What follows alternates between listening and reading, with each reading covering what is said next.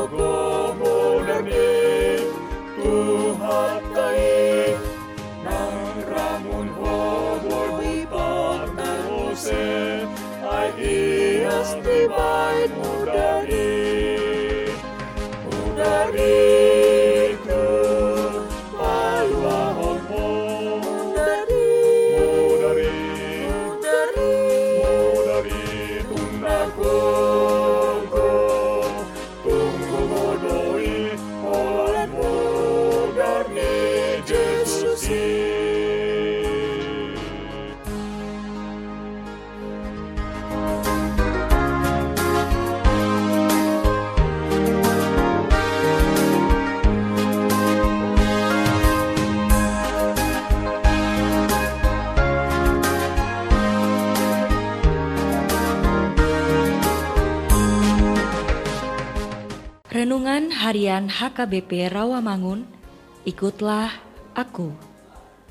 Selasa, 6 April 2021. Dengan judul Mahalnya Harga Penebusan Yesus. Bacaan kita pagi ini tertulis di dalam Kejadian 20 ayat 2 sampai 4a. Dan bacaan kita malam ini tertulis dalam 1 Korintus 15 ayat 50 sampai 58. Dan kebenaran firman yang menjadi ayat renungan kita hari ini ialah 1 Petrus 1 ayat 19 yang berbunyi, Melainkan dengan darah yang mahal, yaitu darah Kristus yang sama seperti darah anak domba yang tak bernoda dan tak bercacat. Demikianlah firman Tuhan. Yesus Kristus adalah tokoh yang sangat luar biasa, karena melalui Dia manusia dibebaskan dari belenggu dosa dan kematian. Dia adalah anak domba yang tak bercacat celah.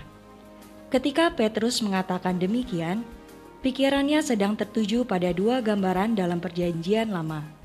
Yesaya 53 mengenai hamba yang menderita, yang melalui penderitaannya manusia diselamatkan dan disembuhkan. Dan di atas semuanya itu adalah gambaran domba Paskah. Pada malam penuh kenangan itu, ketika bangsa Israel meninggalkan tanah perbudakan di Mesir, orang-orang Israel diperintahkan untuk mengambil seekor domba dan menyembelihnya. Kemudian darah domba itu dioleskan pada palang pintu rumah mereka sebagai tanda. Dengan begitu, ketika malaikat maut mengelilingi negeri itu untuk membinasakan putra sulung orang-orang Mesir, dia melewati setiap rumah yang telah ditandai. Dalam gambaran ini, domba Paskah memiliki dua pengertian, yaitu pembebasan dari perbudakan dan kelepasan dari maut.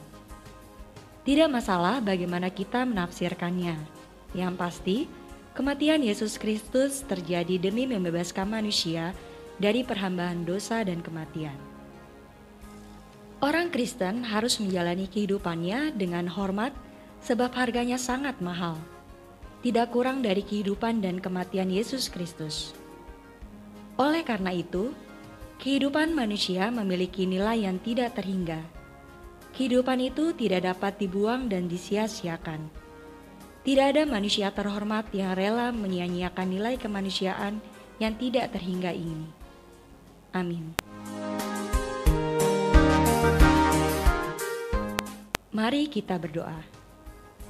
Ya Tuhan, ajari kami senantiasa agar kami dapat menjaga kehidupan ini. Amin.